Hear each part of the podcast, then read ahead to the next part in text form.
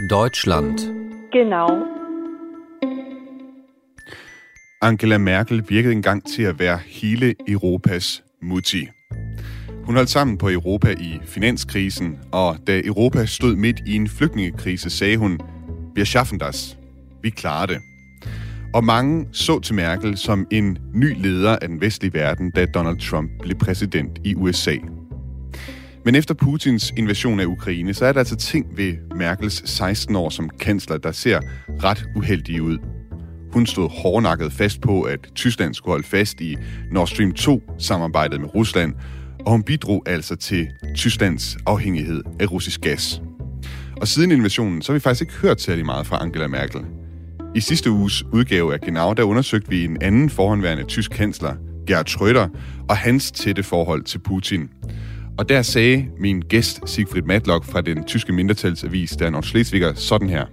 Når man nu taler om, om Schröders øh, position netop over for Putin, så er der jo et, et andet mysterium, som i, i, i Tyskland pt. jo er endnu større, og det er jo i virkeligheden, hvor er Angela Merkel hen?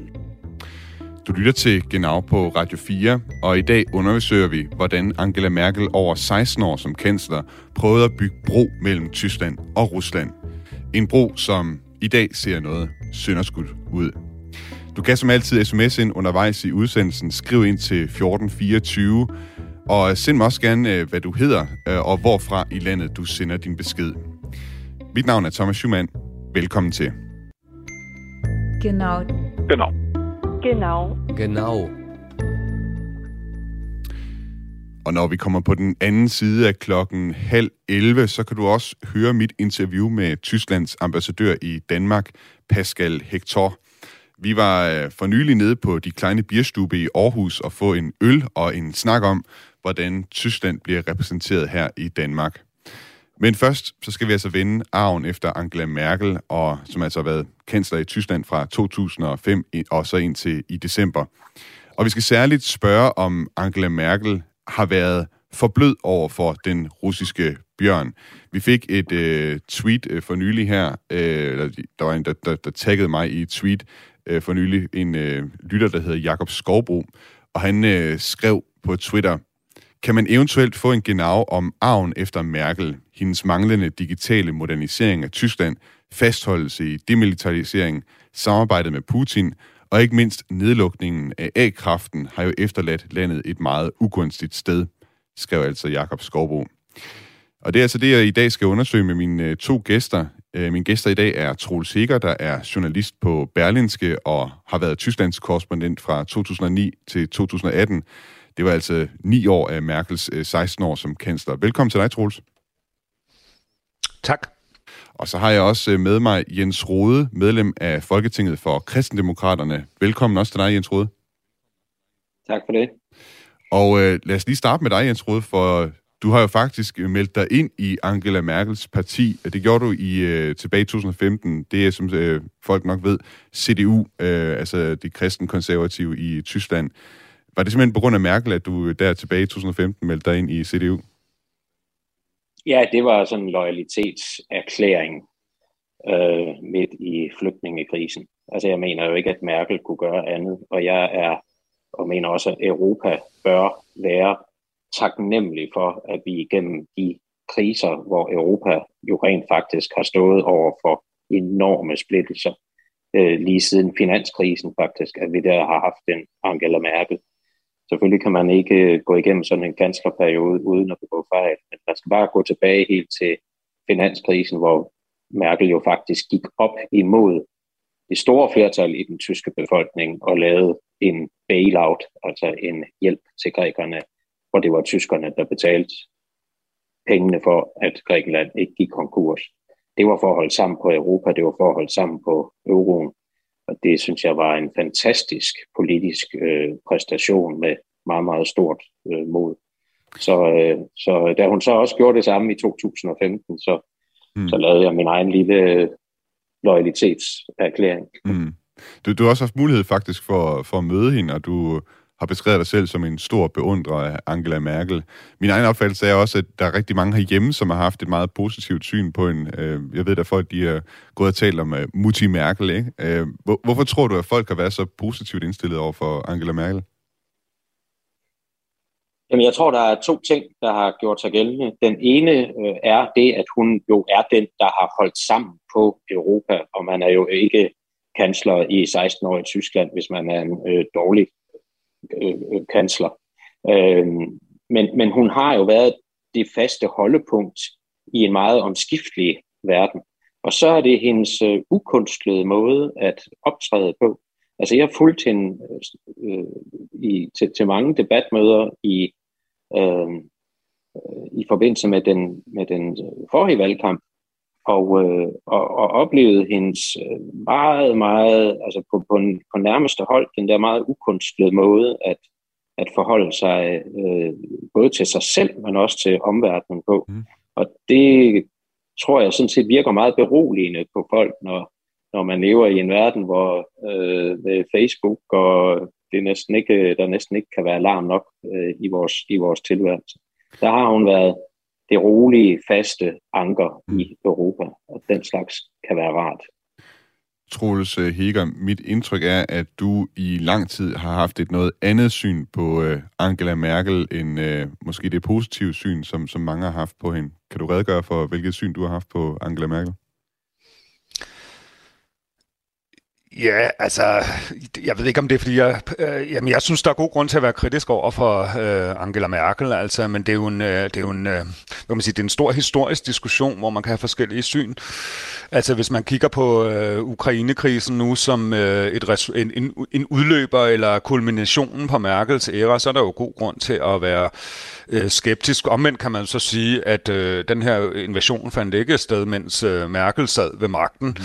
Men altså, jeg tror, at Merkel, altså, som sagt, Merkel har siddet 16 år øh, ved magten, og bliver derfor også identificeret som øh, selvfølgelig som leder med, med, med de øh, mangler og øh, strategiske kortsigtighed, som, som Tyskland øh, øh, øh, efter min mening har gjort sig skyldig i, øh, altså på det forsvarspolitiske, øh, altså det sikkerhedspolitiske, altså simpelthen øh, som øh, der har været et fravær af en øh, analyse af, hvad det er for en verden, vi befinder sig i mm. under Merkel. Øh, men det er jo ikke kun Merkel, øh, der er skyldig i det, øh, men det er klart, at som kansler øh, øh, er hun, øh, må hun holdes ansvarlig for, for det også. ikke. Øh, men øh, det er selvfølgelig en kompliceret øh, historisk diskussion. Der er også nogle ting omkring Merkel selvfølgelig, som, øh, hvad kan man sige, man har talt om, at hun har været, hvad skal man sige, haft et særligt forhold til, til Rusland. Øh, nyhedsmagasinet Spiegel, de bragte i sidste uge en lang artikel om Merkels ansvar for, at Tyskland og Europa står, hvor vi står i dag med krigen i Ukraine. Og der var altså også øh, nogle detaljer her om hendes tilknytning til Rusland. Blandt andet så har Merkel lært øh, russisk ved at snakke med sovjetiske soldater, der var udstationeret nær Templin i Østtyskland, hvor hun er vokset op. Og da Merkel første gang tog imod Putin på tysk grund i 2016 i Dresden, øh, der var det altså kort efter, at øh, dissidenten, journalist, øh, dissidenten og journalist Anna Polit Politkovskaya, øh, nu skal jeg se, om jeg kan udtale det rigtigt, øh, var blevet myrdet. Og det vagte altså kritik, blandt andet, øh, som mødte en demonstra- demonstrant op med et skilt, hvorpå der stod morder. Og øh, i 2015, der gennemførte Rusland et omfattende hackerangreb målrettet for forbundsdagen, og det fik blandt andet, øh, de fik blandt andet adgang til Angela Merkels computer. Da hun blev forhørt i de efterfølgende undersøgelser, så sagde Angela Merkel, at det smertede hende, fordi hun stræber hver dag efter et bedre forhold til Rusland. Efter at Putin invaderede Ukraine, så sagde Angela Merkel, at hun fordømmer Putins angreb på det skarpeste, og at det er et dybt brud på europæisk historie efter den kolde krig. Troels Heger, øh, dengang du var korrespondent i øh, Berlin, var der der en kritik af Angela Merkels politik over for Rusland? Altså en kritik fra hvilken side, øh, tænker, spørg, er jeg nødt til at spørge tilbage. Altså, fordi...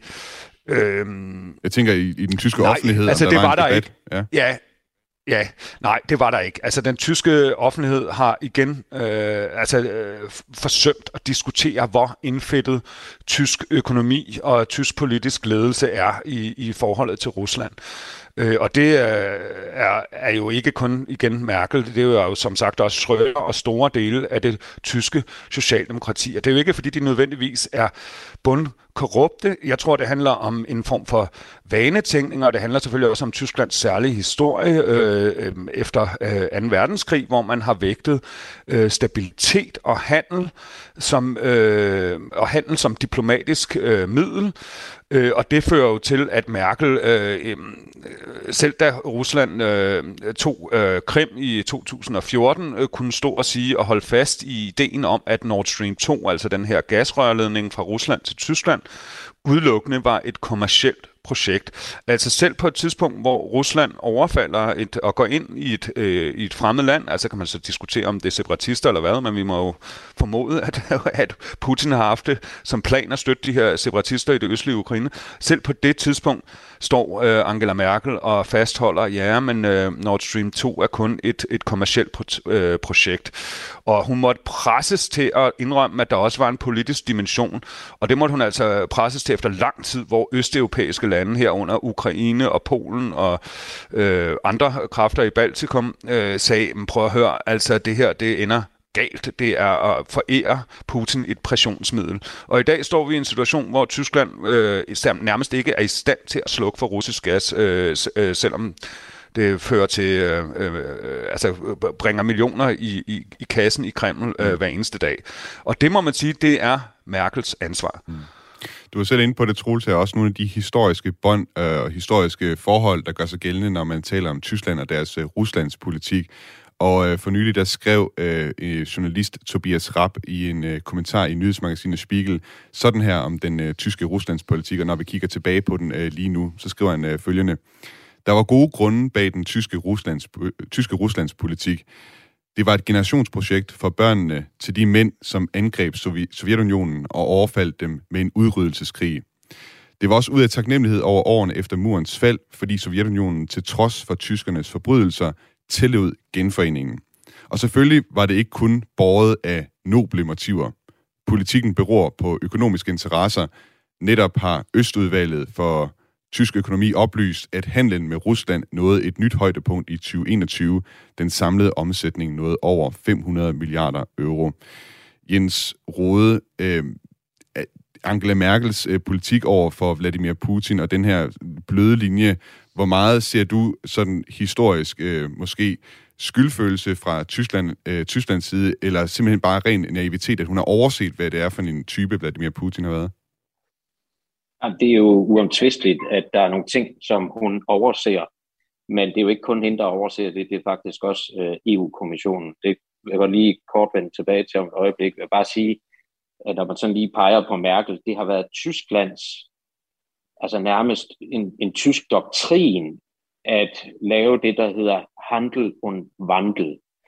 Altså, at man plejer omgang med folk igennem handel, og at man på den måde sørger for, at man øh, holder et fredeligt Europa. Og det har jo været en strategi, der har været temmelig øh, succesfuld. Problemet er, at den kommer til kort, og problemet er, at den øh, skal vi sige, rækkevidden af dens øh, muligheder bliver udfordret, når en mand som Putin skifter stil og strategi, som han gjorde. Vi skal lige huske, at i år 2000, der stod Putin i den tyske Bundestag og holdt en tale på tysk om demokrati og vestlig tilknytning og så fremdeles, og han stående ovationer af hele, og jeg siger hele den tyske øh, Bundestag.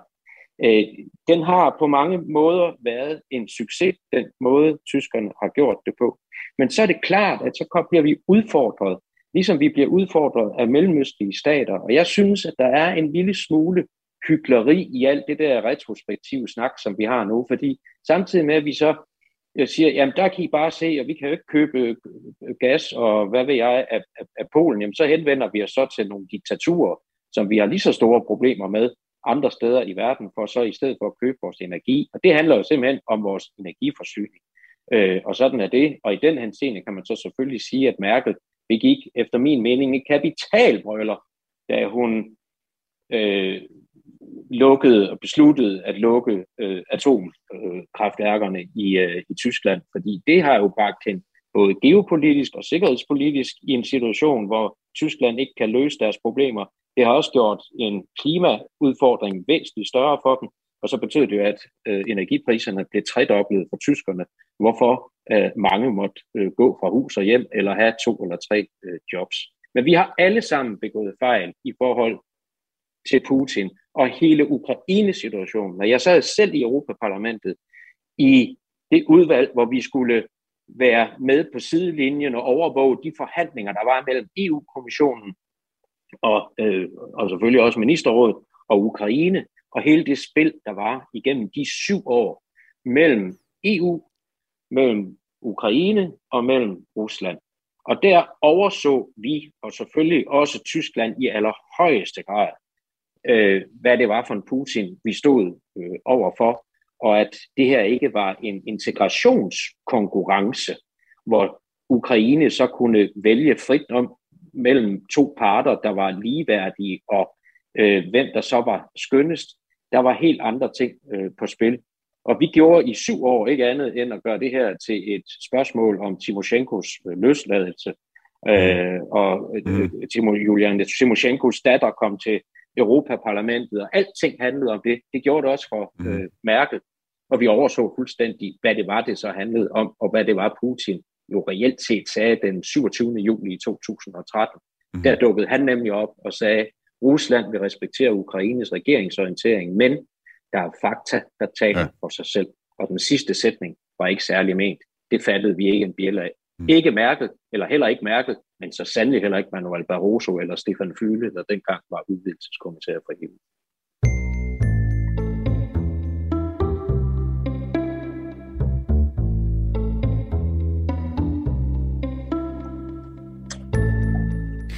Du lytter til Genau på Radio 4, som i dag handler om arven efter Merkel og hvordan hendes tid som kansler har stillet Tyskland og Europa i forhold til krigen i Ukraine.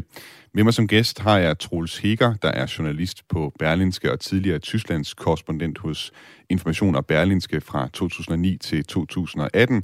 Og jeg har også Jens Rode med, der er folketingsmedlem for Kristendemokraterne og medlem af Angela Merkels eget parti, CDU. Claus har skrevet ind i dag, og han skriver, på tide, at der ses tilbage på Merkels beslutninger, ikke bare energi- og sikkerhedspolitik, men også konsekvenserne for de store byers huslejeniveau. Kan altså sms ind på nummeret 1424. Skriv også gerne, hvorfra I øh, skriver fra, og hvad I hedder. Og øh, Jens Rode, som du var inde på øh, tidligere, så bliver der altså også talt meget om den tyske øh, uaf, hvad skal man sige, energiuafhængighed eller mangel på samme, særligt deres øh, afhængighed af russisk gas. Og øh, det var jo også noget, man gjorde faktisk øh, under Angela Merkel, øh, talt meget om, om tysk afhængighed af russisk gas. Troels Heger, som jeg husker det, så gik Tyskland under Merkel mere eller mindre alenegang i forhold til gasrørledningen Nord Stream 2, hvor alene stod hun i øh, Vesten og Europa med den holdning, at det var en god idé at gennemføre det projekt?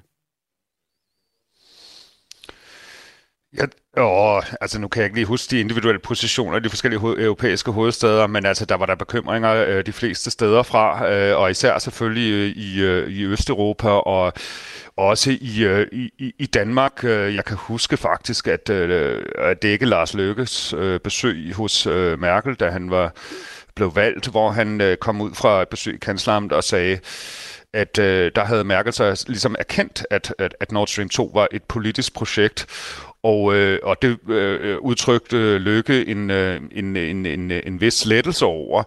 Men altså samtidig så var det jo sådan på det tidspunkt, at Danmark øh, øh, altså, at, øh, kunne jo ikke øh, øh, som øh, lille land sige, at øh, det her det boykotter vi. Vi giver ikke tilladelse til, at rørledningen kommer igennem dansk farvand. Så man savnede europæisk enighed og en europæisk linje i det her spørgsmål. Og den europæiske linje blev jo aldrig rigtig tilvejebragt under Merkel, eller det europæisk enighed omkring det her projekt. Og øh, ja, altså konsekvensen er jo nu, at vi ser, at øh, Tyskland har, har, har lagt øh, rørledningen død efter invasionen. Så mm. altså, det må jo simpelthen bare betegnes som en, en, en, en fejl. Og det kan godt være, at det er bagklogt at sidde og sige det, men det er trods alt Merkel, der, havde, der var valgt til, øh, til at forvalte det politiske ansvar. Mm. Siden, siden 2002 der er det så også stået klart, at Tyskland vil udfase sin atomkraft. Den her beslutning den blev truffet under den daværende Schröder-regering øh, faktisk, men Merkel forsøgte så at forlænge de allerede tilstedeværende atomkraftværker. Det var så noget, hun øh, fortrød efter Fukushima-ulykken tilbage i 2011. Der fastsatte hun 2022 som deadline for at lukke atomkraftværkerne, og siden så det viser, at Tyskland har fået problemer med at omstille sig hurtigt nok til den grøn omstilling, og særligt efter Ruslands invasion af Ukraine og de problemer, der er med afhængighed af russisk gas, er det blevet et tema, nemlig at forlænge levetiden for de atomkraftværker, der allerede findes. Øh, Troels Heger, hvor stor en rolle har udfasningen af atomkraft spillet for Tysklands afhængighed af russisk gas?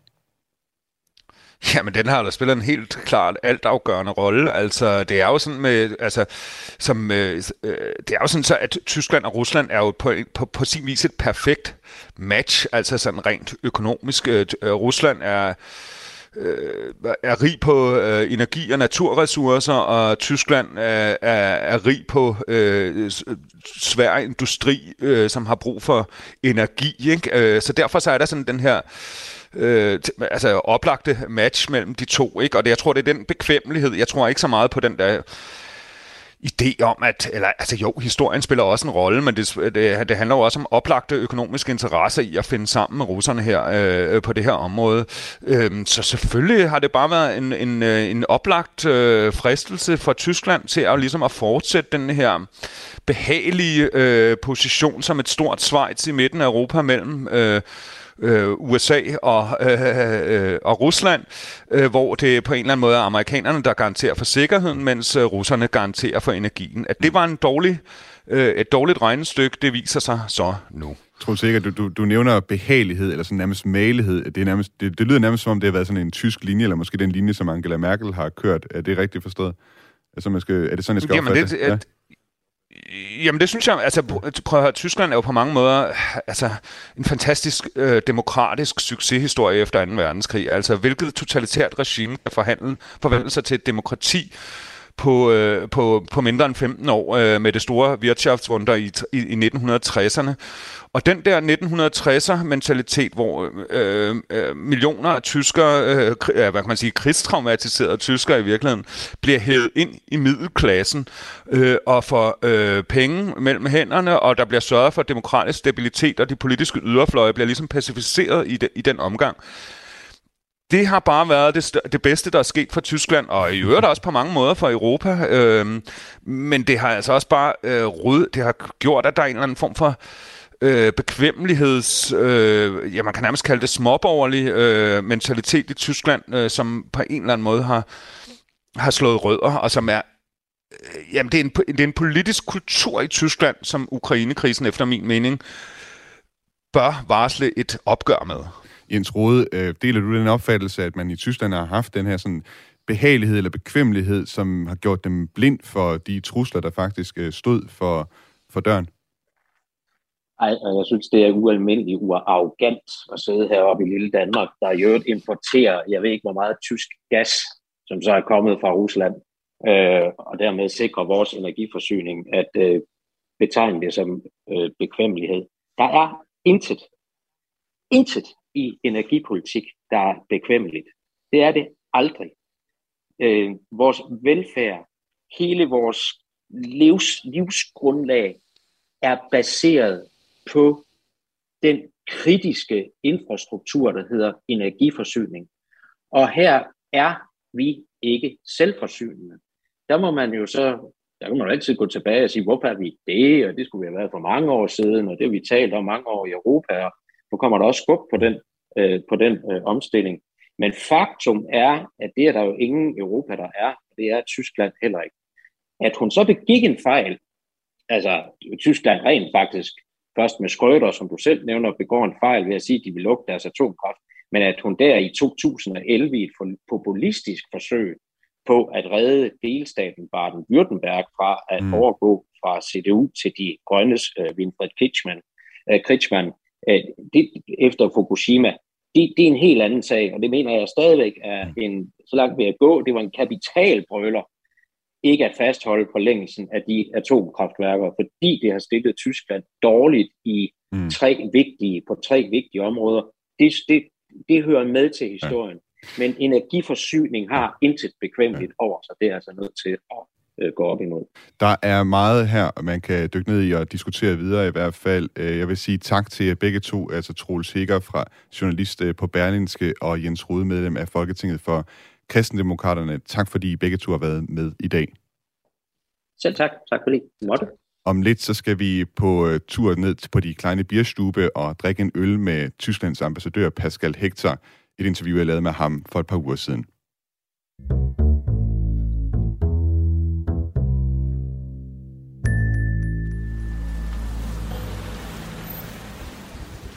For noget tid siden så fik jeg en mail fra den tyske ambassadør i øh, København, eller i, i virkeligheden hans øh, sekretær, som gjorde mig opmærksom på, at øh, Tysklands ambassadør, der hedder Pascal Hector, ville komme på besøg i Aarhus. Han skulle holde nogle oplæg herovre. Og øh, sekretæren spurgte mig, om jeg havde lyst til at lave et interview med ambassadøren. Og det havde jeg selvfølgelig. Øh, jeg undrede mig lidt over, hvor, hvor skulle man tage hen og interviewe ambassadøren. Skulle bare gøre det op i studiet. Men øh, jeg synes, det kunne være interessant at tale med Tysklands repræsentant om repræsentationen af Tyskland i et land som Danmark. Og derfor kunne det være spændende at tage ned på de kleine bierstube i øh, Aarhus. Nok noget af det, man vil kende som sådan typisk tysk øh, sted, med borer af træ og træpaneler på væggene, og der er også en øh, hvor man kan slå søm. Og så kan man ellers øh, bestille øh, diverse tyske øl, og øh, også spise brezel og schnitzel, hvis man har lyst til det. Så jeg står uden for de kleine bierstube nu og venter på, at øh, Pascal Hector han, øh, tropper op her, og så skal vi ellers øh, undersøge, hvad han mener af Tyskland, og øh, hvordan han kan repræsentere Tyskland i Danmark. Nu vil jeg se, at de kommer her. Hej Lasse. Goddag Lasse. Dag. Thomas. Dag. Und äh, hallo Herr Botschafter. Hi. Dankeschön, dass Sie mich mal treffen äh, möchten hier. Sehr gerne. Dankeschön. Und äh, das Interview, werden wir das auf Dänisch oder Deutsch machen? Na, auf Deutsch werden wir es machen. Deutsch. Ich lerne Dänisch ein bisschen und ich verstehe auch schon einiges, aber sprechen aktiv kann ich es leider noch nicht. Lesen ja, auch vorlesen, aber nicht aktiv sprechen. Jeg startede med at spørge ham, om vi skal lave interviewet på dansk eller tysk, og han kan godt øh, læse en smule tysk, han kan måske, eller undskyld, læse en, måske en smule dansk, forstå en smule af det, men øh, lige til at tale det, det, øh, det kan han ikke helt endnu. Han har også kun været her siden øh, 2021, så der er måske lidt at, at lære endnu. Möchten Sie, äh, wollen wir reingehen? Sehr gerne. Dankeschön. Und, und danke übrigens, dass Sie genau hier mit mir ähm, treffen möchten. Ich hatte diese Idee, Sie repräsentieren ja Deutschland in Dänemark. Und ich denke, es gibt viele Dänen, die finden sowas wie die kleine Bierstube hier irgendeine Repräsentation Däne äh, Deutschlands, nicht wahr, in Dänemark. Und ähm, Sie können das auch mal hier sehen. Also die, sie finden sowas wie das hier als das typische äh, Deutschland, nicht wahr? Jeg forklarede lige Pascal Hector, at øh, sådan et sted som de kleine bierstube, det er sådan noget, som mange danskere måske forbinder med det typiske Tyskland. Was denken Sie, wenn Sie so hier in das äh, Lokal reintreten? Denken Sie so typisch deutsch? Also ich finde es jedenfalls äh, sehr schön hier und sehr ansprechend hier. Äh, In der Tat, das ist eine Form von Deutschland, äh, die wir hier sehen. Es ist eine von mehreren. Es gibt viele andere Formen auch. Aber es ist eine Form, die durchaus typische Elemente aufweist. Und ich bin sehr froh, hier zu sein. Aber nur eine Form. Es ist eine Form, ja. Han siger, at øh, det, han ser her, det er en form for Tyskland, men han ser her, det er et meget øh, fint sted, han kan godt lide det, øh, men det er en ud af flere former. Welche Form wäre es dann, wenn Sie so ein paar Wörter da äh, beschreiben würden? Ja, es ist eine Form, äh, die eben äh, sehr das, den bayerischen Aspekt hervorhebt. Äh, Sie wissen ja, Deutschland ist ein föderaler Staat, wo es viele verschiedene Gegenden gibt. Süddeutschland eben mit Bayern. Dafür ist das hier durchaus typisch. Und wie gesagt, das ist eine sehr wichtige Form des, der deutschen Traditionspflege, aber eben auch nur eine Form. Som man kan høre, så siger han altså, at det er særligt Bayern, vi ligesom ser her. Woran sehen Sie Bayern? Also was ist das, das Bayern hier repräsentiert? Naja, schon mal die Dame, die hinter dem Tresen steht, die das bayerische Dirndl trägt, also diese typische bayerische Tracht. Äh, auch äh, die, äh, was haben wir hier, die Bierseidel. Äh, die Wir können das mal, mal hier... Diese bayerischen, ja, ich denke, es gibt auch bayerisches Bier. Ich weiß es gar nicht genau, ich war noch nie hier, äh, deswegen. Ähm, ja, insofern äh, und natürlich auch die Einrichtung, das ist eher süddeutsch. Also man würde es im Zweifel eher nach Süddeutschland äh, ansehen, als äh, dass es Norddeutschland ist. Han siger, det, men ligesom, hvor man kan se det bayerske, det er for eksempel Katty Kreje, der er indehaver, som står bag baren her, hendes uh, dirndl, øh, at det er der, man kan se det, det hvad skal man sige, sydtyske, det bayerske i virkeligheden. Så selvfølgelig også øh, ølene, øh, meget vejsbier, man kan se herinde, og selve indretningen også. Vi können mal altså auf die Menü mal gucken. Øh, Katty, øh, det er indehaveren, som står her bag baren. Katty, kunne vi måske få menukortet også, øh, ja. så vi kunne se, øh, hvad der er på? Dann können wir das mal äh, nachgucken.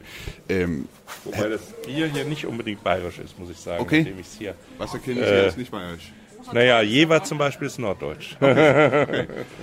Pascal Hector han øh, udpeger lige Jever Pilsner, som øh, er nordtysk. Nordtysk Pilsner med ekstra meget humle, Ja. står der også. Ja, ja. Und äh, was haben wir sonst noch? Äh, Radeberger ist ostdeutsch, also aus Sachsen. Berliner Kindl kommt aus Berlin. Natürlich. Äh, dann äh, Augustiner Helles, das wäre jetzt ein typisches bayerisches Bier, in der Tat. Also es ist hier eine bunte Mischung aus deutschen Bieren. Und das ist ja auch schön, dass man diese ganze Breite des, bei, des deutschen Bierangebots hier eben. Han udpeger, han udpeger Radeberger Pilsner. Das war, das war Dresden, ne? altså Ostdeutschland. Radeberger ist ja. Dresden. Radeberger, det er fra Østtyskland, fra Dresden. Berliner Kindl selvfølgelig fra Berlin så videre. Han siger, der er en stor blanding her af, af Das ist, das ist bayerisch. dann. Og Augustiner, øh, det er en øh, bayersk øl. Der er en stor blanding, siger han, af forskellige tyske øl. Ja. Und Und wenn, ich finde auch sehr schön, dass in äh, Dänischen ja ein Bayer, äh, Bayer ist ja ein Bier, äh, es kommt ja offensichtlich aus dem äh, landsmannschaftlichen Bayern. ne? Also von daher ist das, hat das ja sogar Eingang gefunden in die dänische Sprache. Han siger også, at han kan meget godt lide, at øh, på dansk, der kalder vi det altså en bajer, og på den måde, så er der sådan noget, sådan noget tysk, øh, noget sydtysk i virkeligheden ind i, øh, i det danske sprog på den måde. Øh, vi haben ja auch das Menü so von, äh, vom Essen, was wir hier sehen. Äh, was würden Sie da hier hervorheben als äh, typisch deutsch? Al- Also typisch deutsch ist alles hier natürlich, typisch bayerisch ist äh, äh, eigentlich sehr viel. Also zum Beispiel der bayerische Leberkäse, das ist in der Tat etwas ganz äh, Typisches. Also das ist äh, eine Art Fleischwurst, die man hier in einer großen Masse äh, herstellt, in so einer Auflaufform äh, und dann ein Spiegelei darauf äh, brät. Äh, äh, dann äh, natürlich die Weißwurst, ganz klassische bayerische äh, Form der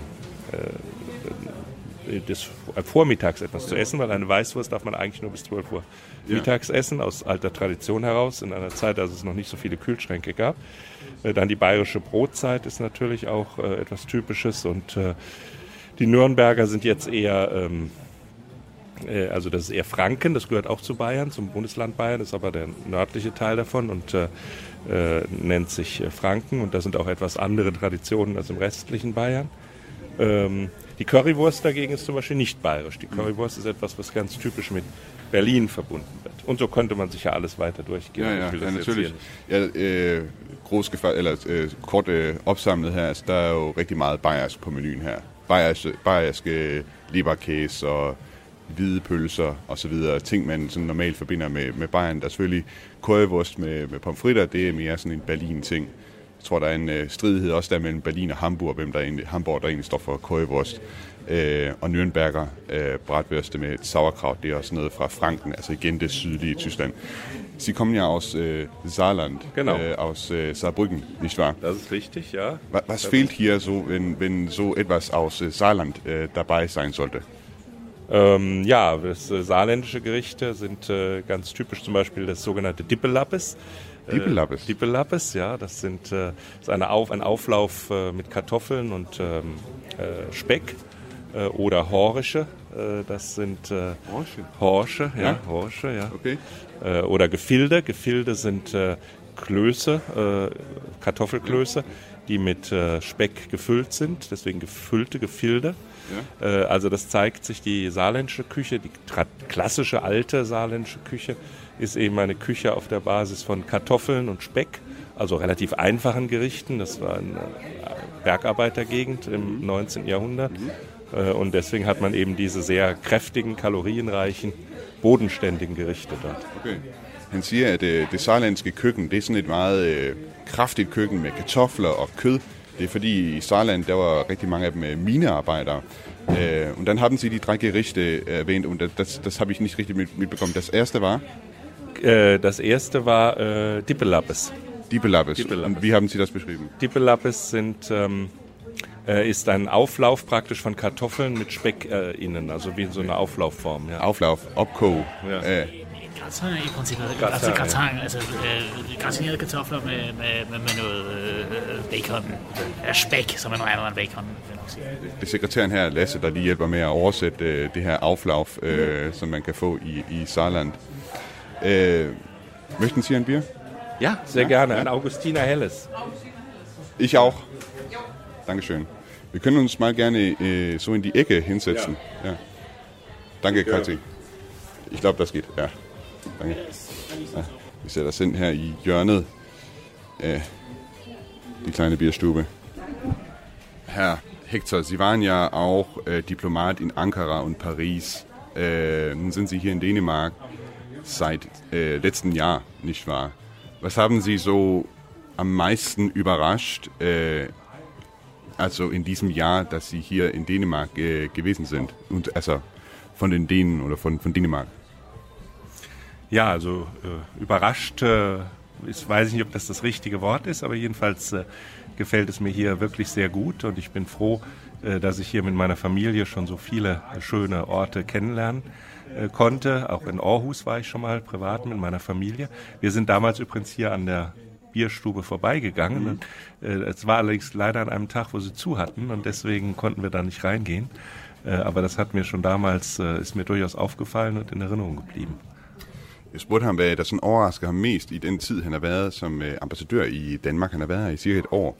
Øh, Han siger, at han øh, har været meget glad for øh, de steder, han har besøgt. Der er jo ikke noget som, som sådan, der har øh, overrasket ham, men han har været meget glad for øh, de steder, han har besøgt i Danmark, også med sin familie, også her i Aarhus, hvor vi er nu. Han sagde, at han øh, på et tidspunkt er kommet forbi øh, her også, og også lagde mærke til de kleine bierstube. Men øh, øh, på det tidspunkt, der var det desværre lukket. Sie sind ja der Botschafter. Äh, øh, Sie repräsentieren Deutschland hier in Dänemark. Wie ähm, empfinden Sie diese Aufgabe? Was ist äh, Ihnen so wichtig in dieser Arbeit, äh, Deutschland in Dänemark zu repräsentieren? Ja, also mir ist äh, sehr wichtig, eben Deutschland in seiner ganzen Breite äh, zu repräsentieren. Wie gesagt, das hier ist ein Aspekt Deutschlands, auch ein Aspekt, den ich eigentlich sehr gerne mag und der sehr wichtig ist, aber natürlich nur ein Aspekt. Es gibt viele andere Dinge. Äh, zum Beispiel, als ich ankam hier, ähm, eine meiner allerersten Sachen war während der Pride äh, Week in Kopenhagen, äh, wo ähm, ein Stück äh, uraufgeführt wurde.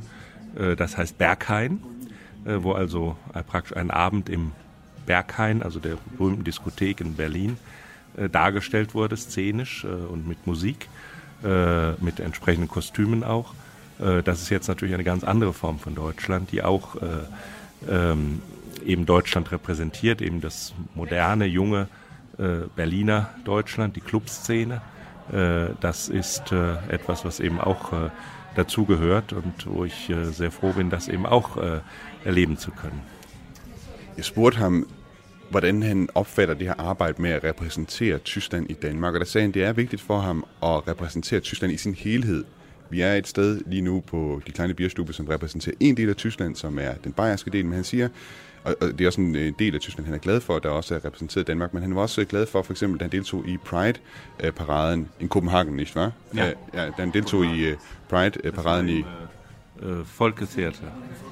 Folketeateret, da han var med i Folketeateret i København øh, til Pride-paraden, at øh, der også var et indslag, der handlede om Bahrein, altså det her kendte diskotek i øh, Berlin, som også er et anden form for Tyskland, et mere ungt Tyskland, og som ja, mange, der måske har øh, rejst til Berlin, øh, kender til det her meget, meget ikoniske, øh, kendte diskotek Bahrein.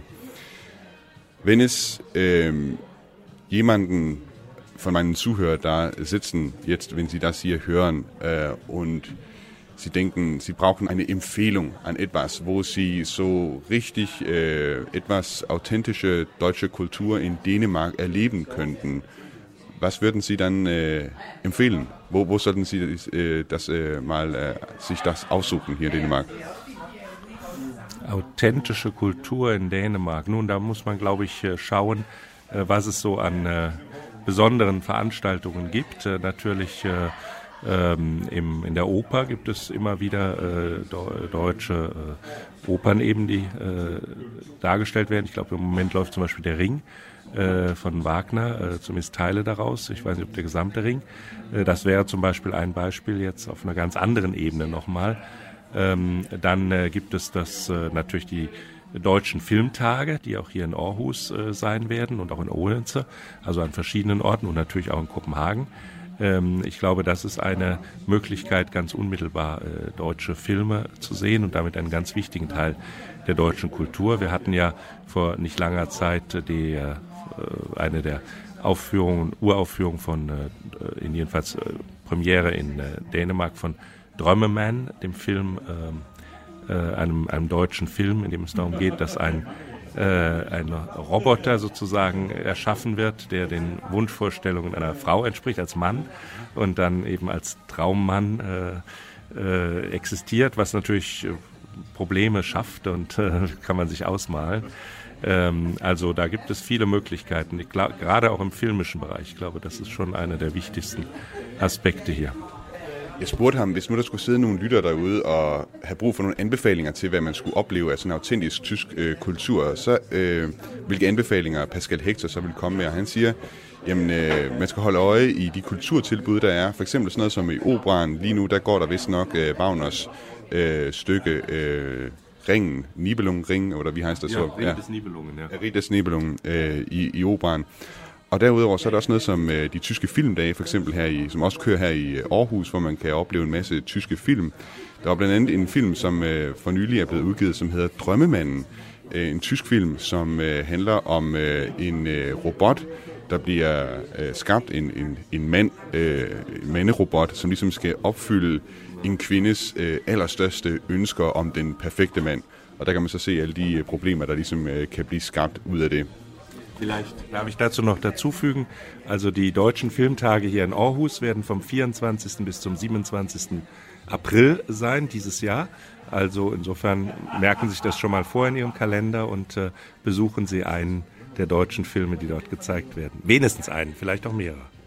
Pascal Hector han opfordrer folk til at sætte et kryds i deres kalender den 24. til den 26. april. 27. april, undskyld, 24. til 27. april. Han forstår alligevel så meget dansk. 24. til 27. april, øh, der er, øh, kommer de øh, tyske filmdage, altså her til Aarhus, så man kan allerede godt nu sætte sig et øh, kryds i kalenderen, hvis man kunne tænke sig at opleve det. Jeg mener nok at huske, at det er blandt andet, blandt andet sådan noget som Øst for Paradis, øh, hvad hedder det, øh, biografen her i Aarhus, der viser de her film. Als äh, Botschafter äh, gehe ich ja davon aus, dass Sie äh, auch ähm, sich, Sie sich für dänische Politik interessieren, was so hier in Dänemark abläuft. In der Zeit, in der Sie hier waren, was haben Sie da in der dänischen Politik am meisten überrascht? Naja, ich glaube, alle Länder in Europa sind in letzter Zeit von den furchtbaren Vorgängen in der Ukraine überrascht worden, von dem Angriffskrieg den Putin äh, gegen dieses Land gestartet hat. Ähm, und dieser Angriffskrieg hat zu vielen äh, Verwerfungen innerhalb der und Veränderungen innerhalb der europäischen Politik geführt. In Deutschland ja zu dem berühmten, ähm, der berühmten Regierungserklärung Zeitenwende des Bundeskanzlers Olaf Scholz. Und hier in Dänemark, das war ja die Frage, hat es ja auch zu Reaktionen geführt, insbesondere der Erklärung äh, der Regierung und auch unterstützt von einer Reihe von Parteiführern ein ähm, Referendum über die Aufhebung des ähm, Verteidigungsvorbehalts Opt-out äh, durchzuführen. Das war natürlich schon eine sehr überraschende Entwicklung, die aber letztlich ihre Ursache gefunden hat in der sehr überraschenden und sehr furchtbaren äh, ähm, äh, Entscheidung äh, Putins, einen Angriffskrieg in Europa zu beginnen. Jeg spurgte ham, øh, Pascal Hector, hvad der har overrasket ham mest i øh, dansk politik. Øh, som ambassadør, så følger han jo med i dansk politik til dagligt. Og han henviser altså til også, hvordan dansk politik har reageret på krigen i Ukraine. Den her totale overraskelse, det var, at Putin han førte den her invasion mod Ukraine. Og for ham at se, øh, har det været øh, godt at se, ikke Sie sagen, das war gut zu sehen, dass äh, es diese Diskussion über die äh, Vorbehalt äh, gegen die, oder? Ja, gut habe ich nicht gesagt. Ich habe gesagt, das, hat, äh, das war überraschend, äh, dass diese Über Entwicklung kam. Äh, wie gesagt, ich würde natürlich nicht äh, inhaltlich dazu Stellung nehmen. Das ist die Entscheidung der, der Däninnen und Dänen, äh, wie sie da abstimmen. Da will ich nicht zu Stellung nehmen. Äh, aber es war jedenfalls etwas, eine Entwicklung, die sehr überraschend kam weil, ähm, wie gesagt, mein, einige Wochen davor war das noch nicht absehbar, aber es war natürlich bedingt durch die äh, Ereignisse, die sich entwickelt haben. Han siger, at det var overraskende, øh, det der skete. Altså, at man fra den side også gik ud og ville øh, diskutere øh, forbeholdet mod øh, den europæiske øh, forsvarspolitik, altså det EU-forsvarsforbehold, vi har haft af Danmark. Det synes jeg, det var overraskende, at partier som Socialdemokraterne Venstre, SF og Radikale Venstre de gik ud og foreslog, at man skal have den her afstemning om at afskaffe EU-forsvarsforbeholdet her i Danmark. Fordi det lå altså ikke i kortene, før at Putin invaderede Ukraine. Und äh, ich glaube, da haben Sie vielleicht auch die Antwort ge gegeben auf meine nächste Frage, äh, und zwar in Bezug auf deutsche Politik. Ist das auch die Rede von Olaf Scholz, die Zeitenwende von Olaf Scholz, dass äh, Sie so äh, frühestens äh, am meisten überrascht hat äh, von deutscher Politik? Ja, das äh, überrascht ja und in der Tat, das war, glaube ich, äh, die bedeutendste äh, äh, politische Rede seit langem, äh, weil sie doch die deutsche äh, Außen- und Sicherheitspolitik auf eine neue Grundlage gestellt hat. Auch hier äh, war das eben keine äh, vollkommen äh, freie Sache oder es war keine Sache, die von un, die, die, die, die, die überraschend wirklich kam in der Situation, äh, sondern sie war einfach eine wichtige und notwendige Reaktion auf das Verhalten von Putin. Han siger også, at øh, den reaktion, som man så fra Olaf Scholz, altså jeg spurgte ham ind til, om, om det også var en overraskelse, øh, det her med Olaf Scholz' tale i forbundsdagen, og den, det paradigmeskifte, der skete i tysk politik efter invasionen af Ukraine, at det var en vigtig beslutning, øh, øh nødvendig beslutning for tysk politik, også der at sætte et klart signal i forhold til øh, Putins øh, invasion af Ukraine. Als äh, Botschafter, wie gesagt, Sie sind ja hier ein Jahr lang gewesen in äh, Dänemark. Noch nicht ganz. Noch nicht ganz. Noch nicht ganz, etwa acht Monate würde ich sagen. Also ich bin in den letzten Julitagen 2021 angekommen und habe Ihrer Majestät der Königin am 13. Oktober letzten Jahres mein Beglaubigungsschreiben überreichen dürfen, was ja der offizielle Beginn äh, des Amtes hier ist. Han retter mig lige, øh, siger, det vil man sige, at han har været her et år, men han har faktisk ikke været her et år. Han har kun været her i otte måneder. Det er otte måneder siden, at han, øh, han indgav sin øh, officielle skrivelse om, at han nu starter som, øh, som ambassadør i, øh, i, for Tyskland i Danmark. Øh, treffen Sie øh, die Königin? Ja. In der Tat, ich hatte die große Ehre, es ihr persönlich zu übergeben, wie es auch die Übung ist. Das ist eigentlich bei Botschaftern immer so. Äh, und es war mir natürlich eine besondere Ehre und auch sehr große Freude, Ihre Majestät die Königin äh, persönlich zu treffen und äh, dann auch einige Zeit persönlich sprechen zu können mit meiner Frau zusammen. Und vor allem, das war nun das große Glück, das wir hier hatten, war, dass wir Ihre Majestät die Königin begleiten durften auf ihrem Staatsbesuch in Deutschland, den sie ja im November letzten Jahres durchgeführt hat und wo sie vier Tage lang äh, als Staatsbesuch äh, durch Deutschland äh, gereist ist, nach Berlin und nach München. Und äh, meine Frau und ich hatten die große Ehre und äh, überwältigende Freude, äh, sie auf dieser Reise zu begleiten. Jeg greb lige fat i, at han jo faktisk har haft mulighed for at møde øh, dronningen, øh, dronning Margrethe. Øh, det gør ambassadører, når det er, de starter med deres arbejde i Danmark. Han synes, det har været en stor ære at få lov at møde dronning Margrethe, og ikke bare det, øh, at møde dronning Margrethe her i Danmark, men også at få lov at at være ledsager på øh, dronning Margrethes øh, besøg i Tyskland, øh, og i øvrigt være ledsager sammen med hans øh, kone, øh, da dronning Margrethe altså besøgte øh, Tyskland for noget, for noget tid siden. Worauf äh, øh, freuen Sie sich? Äh, øh, haben Sie Aufgaben, auf die äh, øh, Sie sich äh, sehr freuen in der äh, kommenden Zukunft? Na, das Schöne ist ja, dass man äh, sehr viele äh, verschiedene Dinge machen kann. Ein Botschafter hat ja jetzt nicht ein ganz fest umrissenes äh, Bild von Aufgaben, sondern es gibt sehr viele Dinge, die eben sehr unterschiedlich sind. Allein schon, wenn ich betrachte, was ich hier bei meinem Besuch in ähm, Aarhus gemacht habe. Ich habe den Bürgermeister getroffen, ich habe das Moosgard Museum unter sachkundiger Führung des äh, Direktors besuchen können. Ich habe mit dem Rektor der Universität gesprochen über die Frage, äh, wie man eben den Deutschunterricht äh, in äh, Dänemark verbessern kann und wie man vor allem auch die Deutsch generell eben im Unterricht und in der Universität noch besser verankern kann.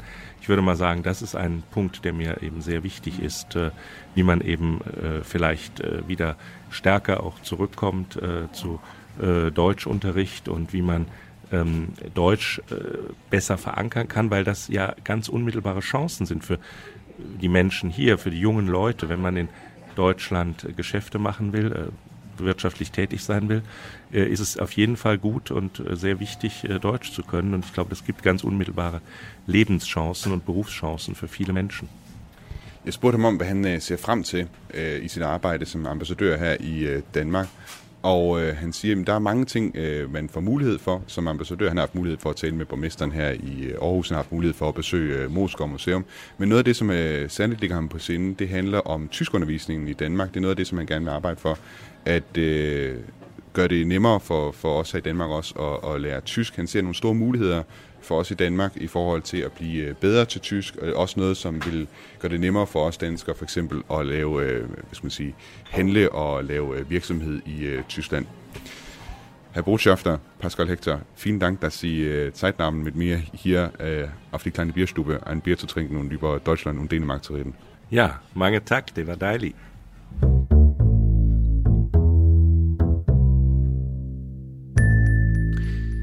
Dagens genau var tilrettelagt af Niklas Erbilov og Dein. Redaktør er Camilla Høj Eggers. Mit navn er Thomas Schumann. Hvis du er glad for at lytte til Genau, så vil jeg opfordre dig til at downloade Radio 4's app. Der kan du finde alle tidligere udsendelser af Genau. Du kan også abonnere på programmet, så vil du hver uge blive mindet om, når det sidste nye afsnit ligger klar til lytning. Hvis du har tips, ros eller ris til os, så skriv gerne ind til os på genau radio4.dk. Sonst Bis Dienstag. Auf Wiederhören.